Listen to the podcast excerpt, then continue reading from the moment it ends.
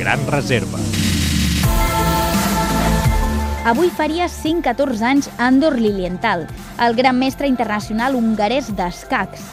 Lilienthal es va enfrontar i va derrotar campions del món com Emanuel Lasker, Vera Menchik o José Raúl Capablanca en una de les partides més famoses al Congrés Internacional de Hastings. Tot i que sempre apareixien les llistes dels 10 millors jugadors d'escacs del moment, mai va arribar a proclamar-se campió del món, perquè el seu millor moment professional va coincidir amb l'esclat de la Segona Guerra Mundial. Amb 94 anys encara continuava jugant a escacs, escrivia articles per a revistes especialitzades i presumia de trobar-se en un bon moment. Lilienthal va morir als 99 anys a Budapest i va ser l'últim supervivent del primer grup dels grans mestres d'escacs.